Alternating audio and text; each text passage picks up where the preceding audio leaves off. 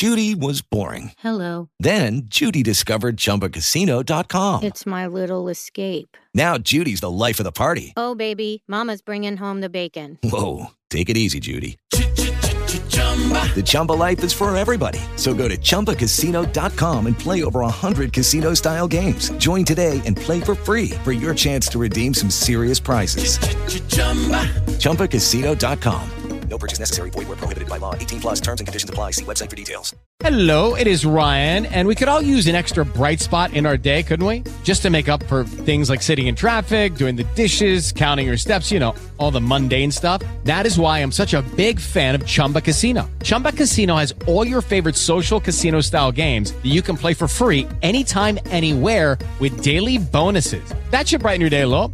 Actually, a lot. So sign up now at chumbacasino.com. That's chumbacasino.com. No purchase necessary. VGW. Void were prohibited by law. See terms and conditions. 18 plus.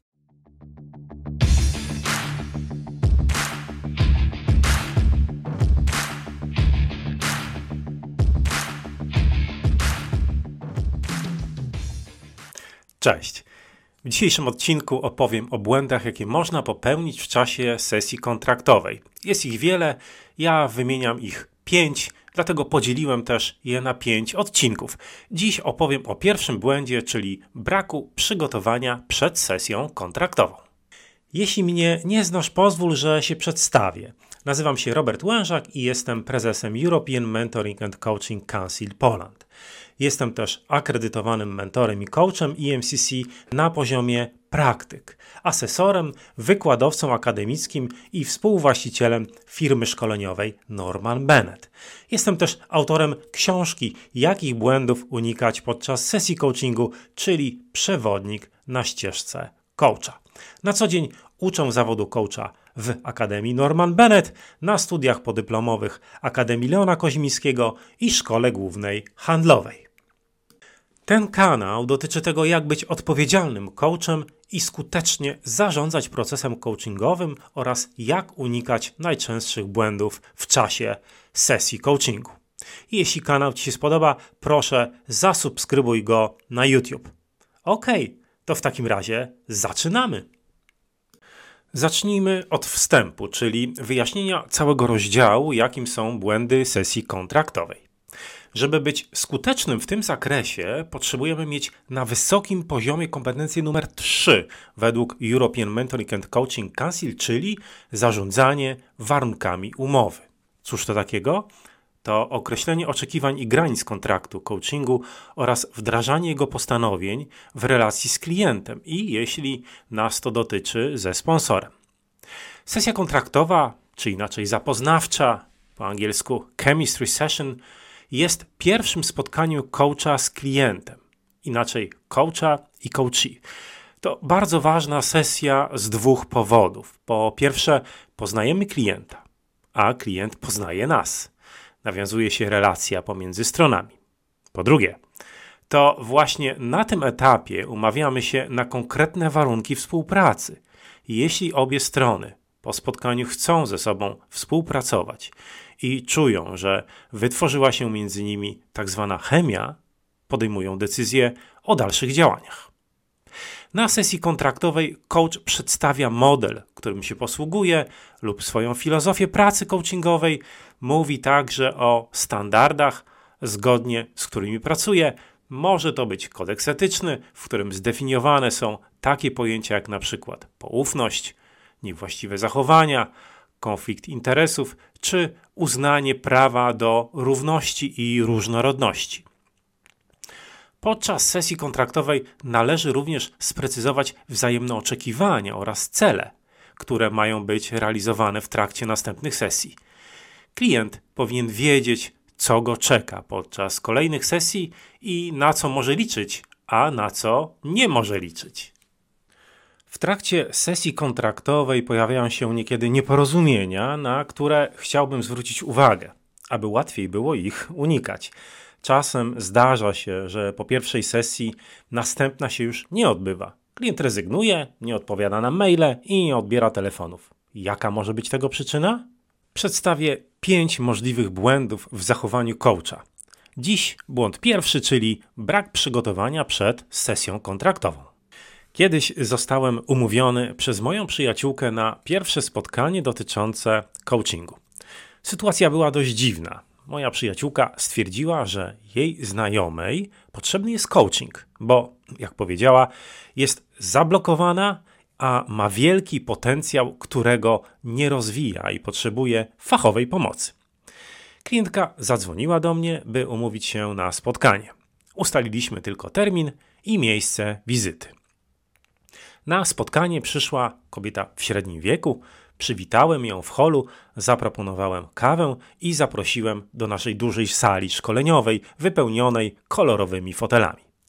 Przez chwilę rozmawialiśmy na tematy poboczne, po czym zacząłem od wyjaśnienia, na czym będzie polegało dzisiejsze spotkanie. Klientka była zaskoczona i zdezorientowana, ponieważ wyobrażała je sobie zupełnie inaczej.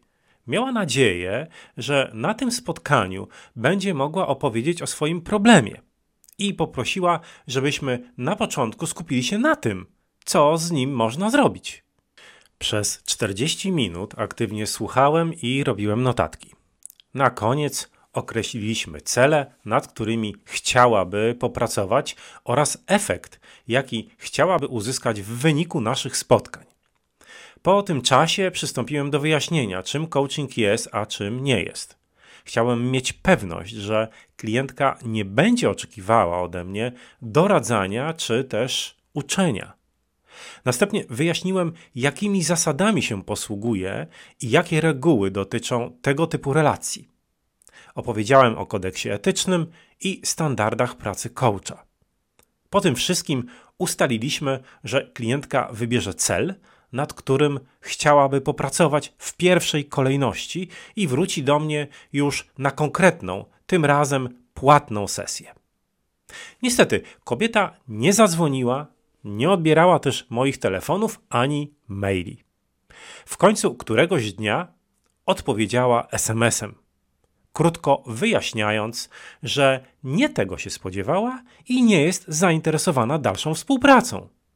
No właśnie, nie spodziewała się, ponieważ wcześniej nie zadbałem o to, by ją do tego przygotować. Jakie jest na to rozwiązanie? Nastaw klienta na to, co go czeka.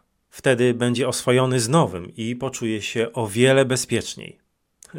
Po tym wydarzeniu cały czas zastanawiałem się, o co warto zadbać przed spotkaniem, by poprowadzić je profesjonalnie, dbając o niezbędne szczegóły i komfort klienta. Dobrze jest na przykład więcej czasu przeznaczyć na rozmowę telefoniczną, opowiedzieć o planowanym przebiegu i czasie spotkania oraz zapytać o oczekiwania klienta. Warto wysłać ustalenia mailem. Można też dodać adres strony lub informacji o sobie, bio, obszar specjalizacji, stawki za sesję itd. Tak Zazwyczaj na początku sesji kontraktowej przedstawiam plan tego, co chciałbym przekazać, o czym będę mówił i co ma być efektem pierwszego spotkania. Mój plan sesji składa się z pięciu punktów. Po pierwsze, przedstawienie siebie nawzajem.